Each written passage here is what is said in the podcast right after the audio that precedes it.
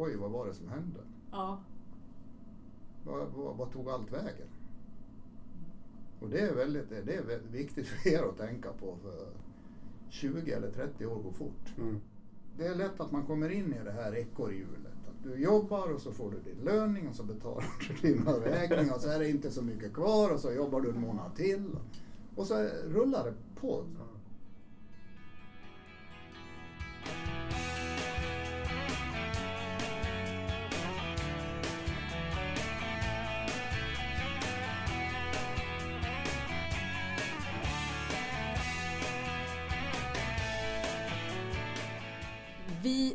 Säger varmt välkomna till Jan-Erik Falkengren, Janken.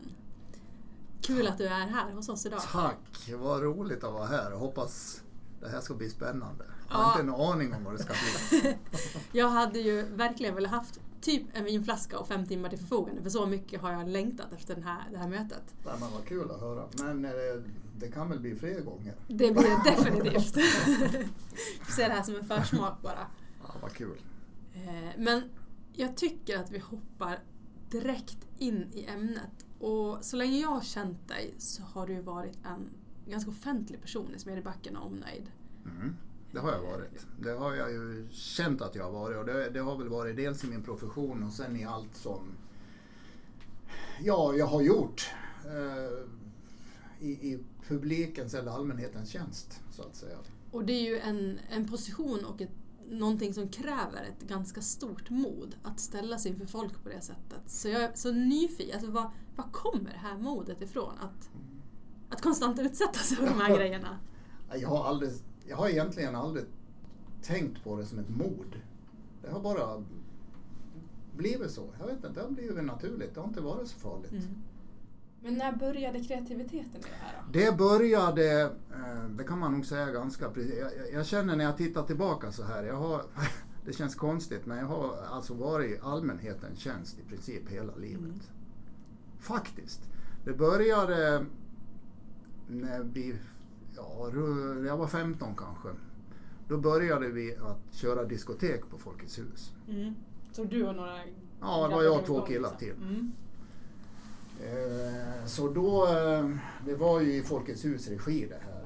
Diskotek Hugo hette det. Vi, fick, vi gjorde våra egna affischer och hade, alltså det var väldigt, väldigt populärt. Det var mycket folk.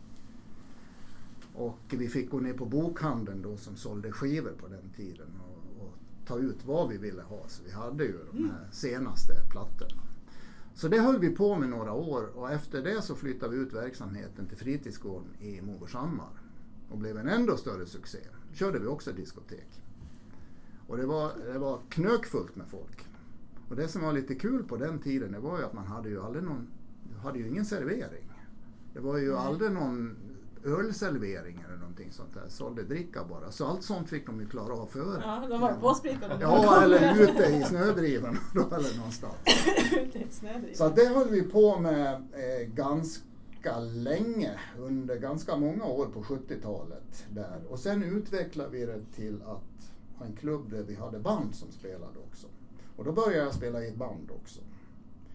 Och det höll vi på med ganska länge, två killar ifrån Ludvika och jag och Ronny Larsson härifrån. Vi hette Säker Varg, vi, höll, vi spelade mycket och var ute och väldigt populära också faktiskt. Eh, så det höll vi ju på med ganska länge. Sen eh, kom det ju in, ja lite senare då, då startade vi ju band igen med Jannes Kalas som vi höll på med i 15 år och var ute och spelade. Ni var stora. Ja, vi var väldigt populära och vi har frågat oss efteråt vad det beror Ofta så brukar det inte vara så poppis på hemmaplan men det, det funkade väldigt bra. Så att vi hade väldigt roliga minnen ifrån det där. Och eh, sen började ju folk fråga, eftersom jag, man stod på scenen så började de ju fråga om kan inte du vara bakkonferencier här eller speaker i det här? Ja, då började jag med det. Så jag har ju varit på mest otaliga evenemang. Och det har aldrig känts något konstigt heller egentligen faktiskt. Du har aldrig haft den där skräcken liksom? Nej, alltså jag fick lära mig när jag gick en, en marknadsutbildning. Eh, när vi gick, eh, när jag var på verket här då. Eh, att eh, just det här att lära sig att stå och prata inför folk. För det är ju någonting som man är livrädd för Mm. egentligen. Det är ju en av de värsta sakerna. Värre än att dö. Ja, men jag tror jag läste någonstans Ja. att eh, Att- svenskarnas värsta farhågor Ja. är dels att bryta med en släkting och Ja. dels att stå inför folk. Ja, det är de precis. två sakerna som man upplever som Ja. värst. Så då gick jag en utbildning, en marknadsföringsutbildning där och då fick vi lära oss det där. Och eh, det har hjälpt mig genom åren. Vad, vad, hur, vad var det de lärde ut på den? Eller hur? Jo, dels att du ska vara förberedd och att du ska veta vad du pratar om. Och så sa de det att du ska tänka på att du gör någonting nu som de allra, allra flesta inte törs göra. Ja, den är så jäkla bra. Ja, men det, så, är, så är det ju.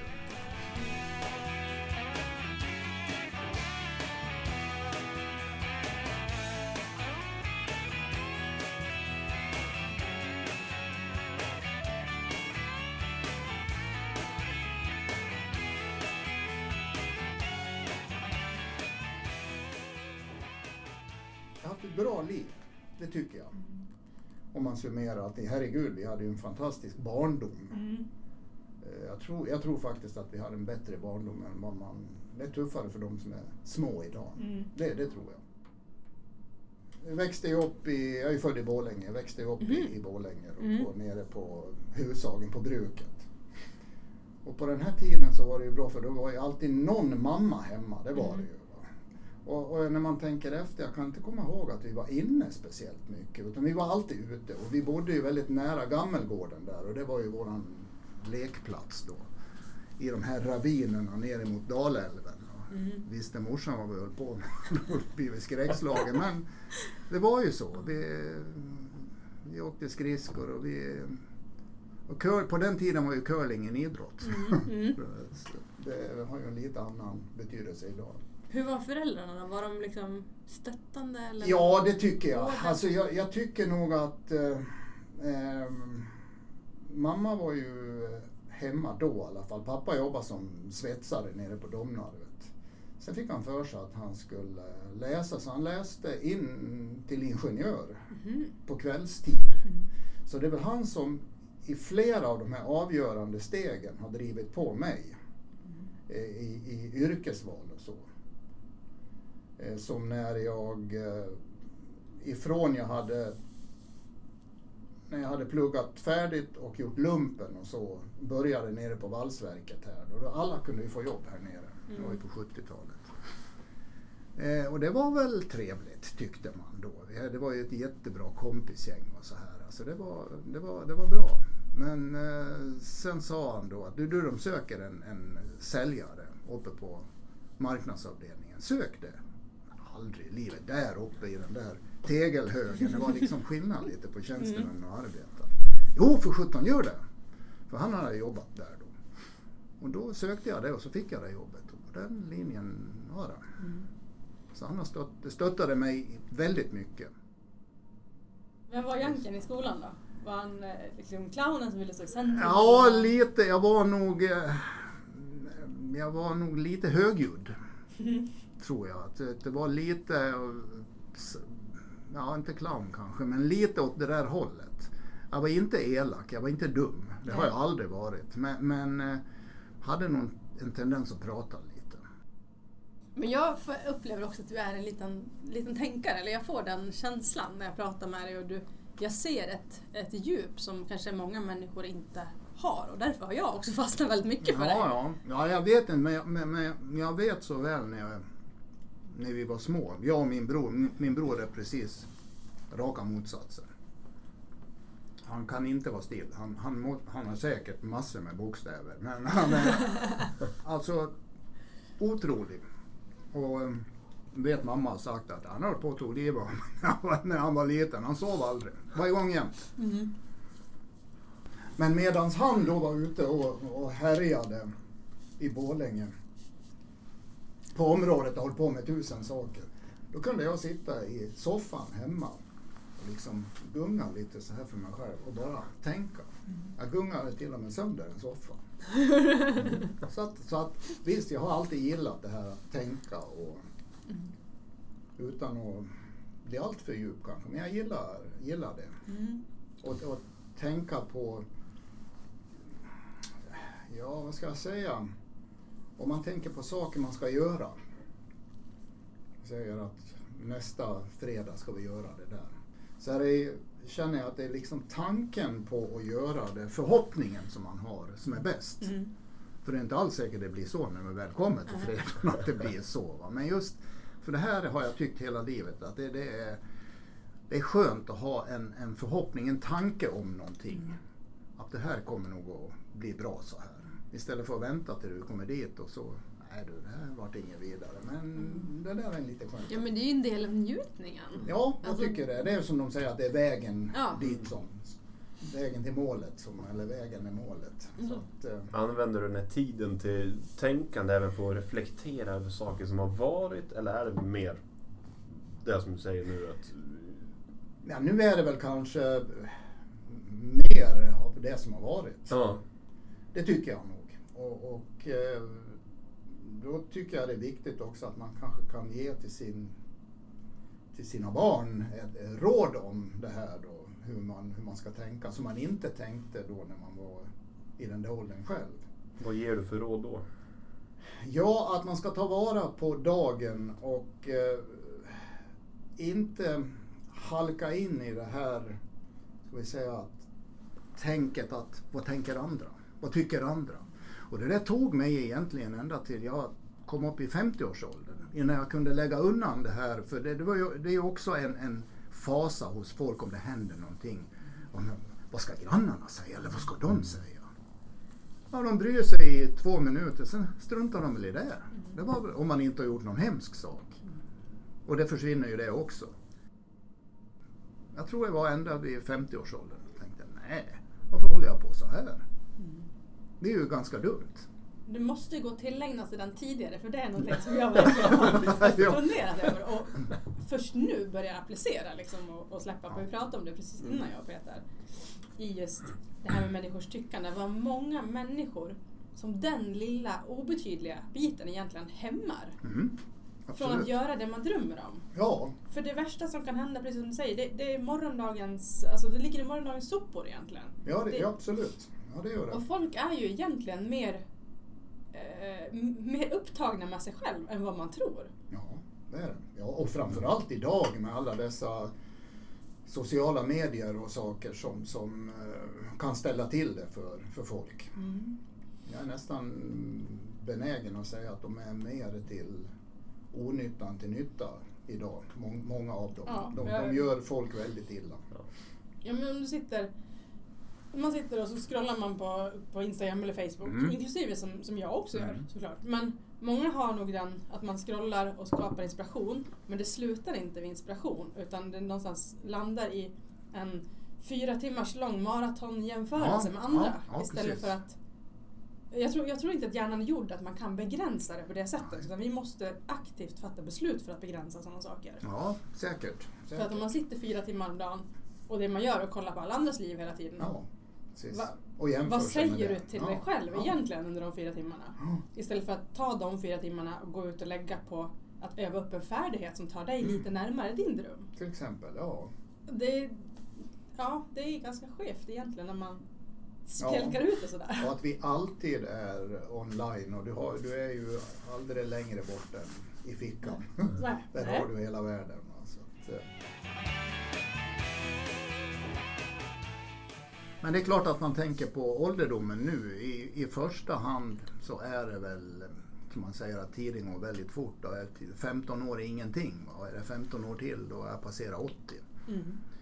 Eh, Men gudskelov så känner jag flera stycken väldigt pigga 80-åringar. så att eh, får man vara som så så är det väl okej då. Och, och jag brukar också tänka att jag har i alla fall haft ett väldigt bra liv fram till nu. Mm. Och händer en olycka imorgon så låt det vara då i Mm. så fall. Men, men fram till nu så har jag varit ganska förskonad för Har du haft någon period i livet som har varit riktigt jävla svår? Ja, det, jag, jag har ju gått igenom en skilsmässa och den var ju Ja. inte så kul. Nej. Och det var, den, den har jag ju tänkt mycket på för att i mångt och mycket så var det ju mitt fel. eh, Om man nu kan säga så. Men, men eh, det, det är ju historia nu men eh, jag skulle ha gjort på ett annat sätt. Mm. Sen att man glider ifrån varandra, det, det, är svårt. Det, så, så kan det bli Och det måste ju vara det svåraste, att få ett förhållande att fungera egentligen. Ja, För man är två olika individer som ska Ja. leva bredvid varandra. ja. Det är klart som fan att det skär sig ibland. Den ja, som det säger något ju annat, det. den gör ju det. Varningssignalen dock är ju att när man slutar prata med varandra. Ja. Då är, det- då är det ofta kört. Ja. Så att, eh, men annars så eh, tycker jag nog att eh, nej, just det där att jag inte går och grubblar så mycket på hur, hur man är och hur man... Mm. Jag har, sen har jag varit frisk, peppa peppa, Mm. i princip hela livet och det, det är bra. Därför har jag försökt att hålla igång lite också och försökt att rört på mig hela livet. Mm. Och det är ju... Det där är ju liksom min bit i det hela. För min största skräck det är ju liksom att, att bli sjuk när jag blir äldre. Att Ja. inte längre kunna göra vad jag vill. Mm. Att kroppen Mm. säger ifrån. Det är någon annan som Så, bestämmer. ja. Och så hela, hela mitt liv nu går ju åt på att liksom... Men hur, hur gör man för att åldras frisk? Ja. Hur, hur optimerar jag min kropp och min själ så att jag mår så bra som Mm. möjligt fram Mm. tills den dag det liksom är slut? För jag Ja. vill inte liksom de sista 20 åren i mitt liv åka in och ut eh, sjukhus och Nej, liksom, är- käka läkemedel och, och hela den här En biten. Utan ja. det, är ju liksom... Så där... Det är ju liksom det Nej, ta hand om kroppen, röra sig och äta bra mat. Ja. Och försöka njuta och ha, ha det bra. Jag tror att det handlar så mycket om mindset också, alltså Ja, inställning till livet. Ja, absolut. Eh, Absolut. Uttjatade uttrycket om, uttrycket om, glaset är halvfullt eller halvtomt. Mm, mm. Men, men så är det ju lite, alltså hur väljer man att se på livet? Alltså Mm. svassar man runt i sin offerkofta i dag, ut och dag in liksom. Ja, då blir det inte Det är väl klart att det blir en pain in the ass att leva. Ja, det är liksom. klart. Ja. Så att, ja, jag tror att många skulle behöva jobba så mycket mer mentalt också. Mm. Eh, att våga ta tag, alltså öppna ryggsäcken, våga lyfta på stenar. Vad beror det här på egentligen? Varför agerar jag som jag gör? ja, det är väldigt enkelt att, att lägga skulden på andra Ja. istället för på sig själv. Det är alltid någon annans fel att det händer så här. Att jag blir av med jobbet där eller jag mår dåligt där. Det beror på det och det. Eh, och det kan det väl till viss del vara men, men många gånger så sitter ju i en själv Mm. såklart. Ja, verkligen. Och bara lära sig, som, precis som du sa också. Ja, men jag kanske skulle agera på ett annat sätt igen i och med Ja. min skilsmässa. Ja. Alltså visst, man kan inte förändra någonting. Men den Nej. insikten har i alla fall gjort att du har agerat på ett annat sätt framledes. Ja, ja, absolut. Så det är ju bara våga se sin egen del i saker och ting och i, i livet som så. Det är ju det svårare, att, att se, se sina egna Mm. brister och, och, och fördelar. Jag, Och det träff, måste ju någon tala om för en. mm. jag träffade ett pensionärspar för några månader sedan. Och de var, hade träffats i äldre, äldre Ja. ålder. Mm. Och de hade börjat sitt förhållande med att säga så här. De här bristerna har jag. Kan du Mm. tänka dig att gå med på dem? Och det tyckte jag var så jäkla klockrent gjort. Mm. För då har man liksom på något sätt till en början, när man pratar förväntningar, lagt förväntningarna på bordet och Mm. blottat dem. Att det här är vad du kan förvänta dig av mig. Liksom. Exakt. Ja. Och det, var det är så stort gjort. Ja.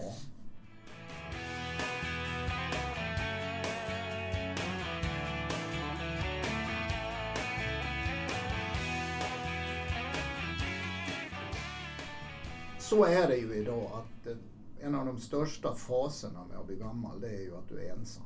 Ja. Att du inte känner dig behövd längre. Och det har jag ju sett på nära håll också. Och det, det ju, måste ju vara en hemsk känsla. Mm. Jag tror inte att det finns någon känsla som urholkar en människa så mycket som ensamheten. Nej, det, det är ju fruktansvärt egentligen. Och då tappar man helt livslusten kanske. Mm. Och då kan det gå fort sen. Mm. Ja, det är ju då det börjar gå Ja, ut för. det, det är så. Där tycker jag också vi, vi yngre har ett enormt ansvar gentemot våra äldre och det är det jag jobbar Mm. så mycket för att Mm. lyfta och propagera också. Att ta ansvaret, att ge av din tid. Ja, precis. Sluta vara så uppe i ditt eget arsle man får säga Ja, så. jo det är så. Men det är, alltså det är, det är lätt gjort alltså när, när eh, barnbarn till exempel de kommer upp i en speciell ålder. Det är mycket annat som lockar. De kanske inte tänker på mormor och morfar eller farmor och farfar sådär. Fast det är så viktigt att de bara kan ringa och säga eller åka förbi eller om det nu passar. Sådär, så. Och sen att man kan umgås unga och äldre Ja. som man gjorde förr. Precis som Då man gjorde bodde ju de äldre till och med på gården många gånger och hade man nytta utav varandra. Mm. Ja men verkligen. Men nu, nu är det ju, nu ska ju någon ta hand om barnen. Mm. När de är små så ska någon ta hand om blir gamla. Ja. Så, så vi slipper hålla på. och- Vara så nära varandra liksom. Ja, Det är ju en konstig situation. Bara en sån sak att, att det är svårt att få till begravningar. För folk har inte tid att begrava sina Ja. anhöriga. Ja. De ska åka till Thailand istället. Ja. Ja, men de borde ju skämmas säger jag. Ja, ja men det, jag skriver under på det. Men man fick vara behövd på ett annat sätt. Mm. Alltså, du fick vara involverad och med på ett annat sätt tror jag förr. Och det har vi tappat mycket i, i dagens samhälle. Som du säger, man stuvar in morsan på äldreboende för att de börjar bli lite dement och sen Ja. så har man dåligt samvete för att man inte hälsar på henne mer än var tredje vecka. Liksom. Ja, ja. Alltså det säger ganska mycket. ja. Sen säger jag inte att alla ska ta hem dem kanske och, och ha dem hemma. Men, men någonstans måste det ändå finnas en liten självreflektion i så här, hur, hur, ja. vad kan jag ge lite mer av? För att man får ju tillbaka Ja, man det ger. får du. Och det tråkiga är, kan ju vara att den där ref- reflektionen kommer sen när de har gått bort. Ja, och då blir det en ångest istället. Ja, då blir det en ångest Ja, istället. då blir det inte en, en sund reflektion Nej, Ja, precis. Nej. En sak jag tänker på att man tar för givet att eh, man har en relation eller det är saker man, man tycker om människor men man säger det inte. Så passa på när man kan att tala om för någon att man tycker om någon eller att eh, man bryr sig om någon eller varför sa jag inte det här säger man ju sen då. Det här skulle jag ju sagt. Ja, för man tänker ju sen, ja, men sen, hon finns kvar imorgon eller Ja nästa visst, vecka. men som eller... är så är de borta. Alltså. Det, det, är- nästan alla man pratar med säger att ja, jag skulle vilja ha sagt det här. Mm. Men för, försök att göra det då. Ta det inte bara för givet utan Nej. säg. Men det är ju ett så. mod även där i att våga säga Vet du, jag tycker Ja. om det, jag uppskattar Ja. vår relation. Ja, Hur många är det egentligen som tar de orden i sin mun och som säger så till någon? Utan man Nej. kanske visar det med andra, man visar det med en blomma eller lite choklad och det är inte fel det heller. Men ordens betydelse Ja. är verkligen inte att underskatta. Nej, och det, det, är, det kostar ingenting att säga det men det gör så väldigt, väldigt mycket. Mm. Och samtidigt är det så jäkla svårt. Om jag bara går till mig själv. Hade liksom, ja men när farsan var sjuk, vi visste liksom eh, förloppet, vi visste vad som skulle hända. Men jag kunde aldrig förmå mig att bara säga de orden att jag älskar dig. Precis, Och det, det- är det som är det svåra. Ja. Den tiden när vi fick liksom att, ja men nu har vi kört alla mediciner två varv. Nu, det finns ingenting mer att göra. Nu kommer vi liksom bara göra det så, så bekvämt som möjligt. Och det var väl då jag fick den riktiga käftsmällen och, och vart och må ganska dåligt.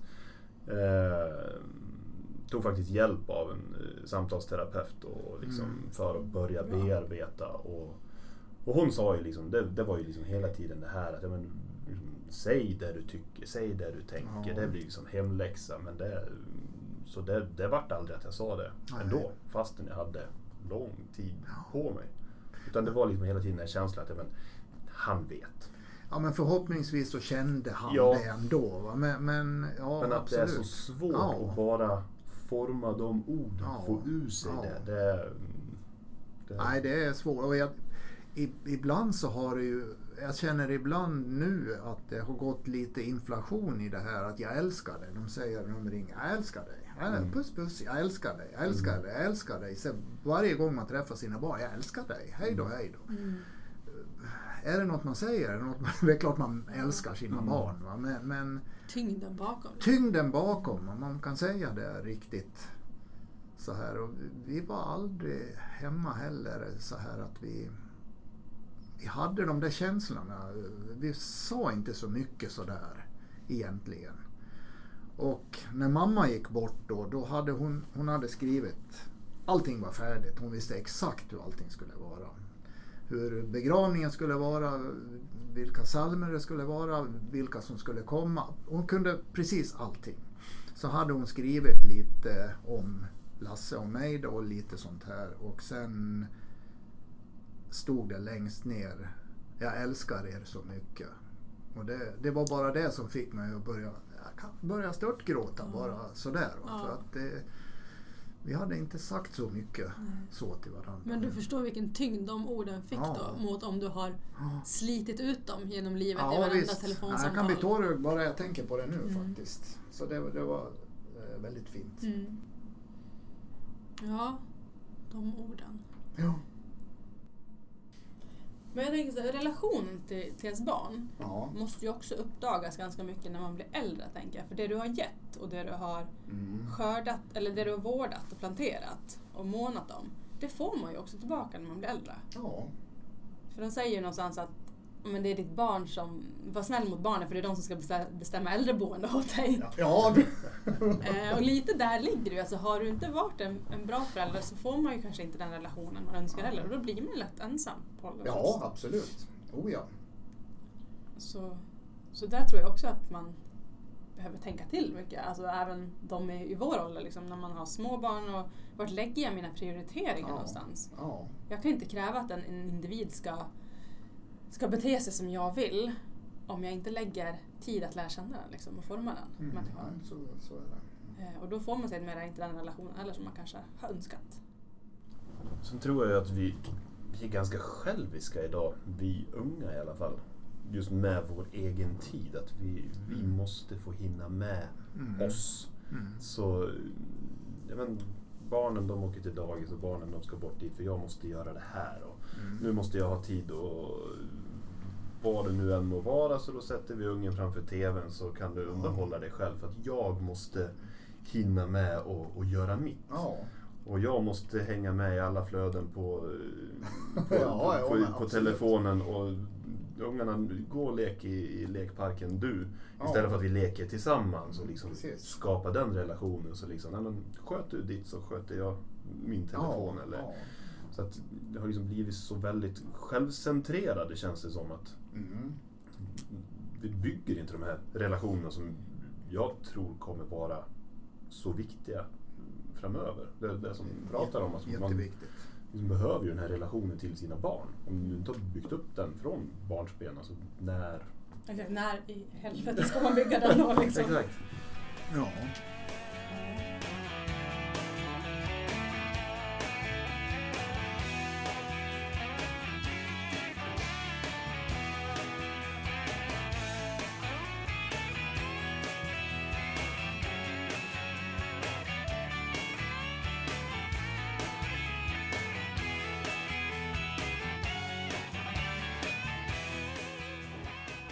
Fortfarande svårt att, att själv definiera mig som en pensionär.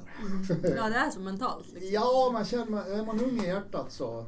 Och jag, I mångt och mycket så känner jag egentligen ingen skillnad nu mot vad jag gjorde för 10 eller 15 år sedan. Det är samma janken inombords. Ja, egentligen. Det är väl lite, man märker det på att det börjar, huden börjar bli lite, häng, lite så här. Men, men annars så, jag kan göra nästan allt som jag gjorde då också och tänka på samma sätt faktiskt. Det, det, och det känns, det känns ju bra. Det ju, måste ju vara ett av livets glädjeämnen också. Ja. Att så här, kunna uppskatta den att, och inte ta det för givet att man ska, ska, kunna fortsätta göra samma saker. Utan bara känna vördnad för att jag kan faktiskt Ja, absolut. göra det. Ja, nej men så, så är det. Man får bara vara glad. Och så brukar jag säga, man får, man får sänka ribban lite ibland. Så är det bara. Ja, men jag tänker också gemenskap som vi pratade om tidigare. Ja, Om man jämför, fortsätter med den jämförelsen då som nu. Hur man förr om åren kanske var bättre på det här med, med gemenskap. Där man kanske samlades om någon skulle byta tak. Då drog man Mm. ihop ett gäng Mm. med Ja, fem precis. gubbar och så hjälptes man åt. Ja. Och så nästa gång så var det någon annan gubbes tak som skulle bytas. Och så hade man en låda öl och man grillade med en Ja, mix. Liksom. Man ja. hjälptes åt. Idag outsourcar du den för att göra någonting helt annat. Så det tror jag också var en frisk faktor på den tiden. ja, det var det säkert. Ett sätt att hålla ihop sig också. Precis, Absolut. för då knöt ju dels relationsband, man fick ha gemenskap och umgänge, man fick äta gott och så. Och sen så fanns ju de vännerna kvar kanske på ett annat sätt Ja. upp i ålderdomen Ja, absolut. än de relationer man bygger idag. När man Ja, inte gör ja. sådana typer av gemenskapsaktiviteter. Mm, precis. Det är väldigt viktigt också att man, man odlar och tar hand om sina relationer Mm. som man har.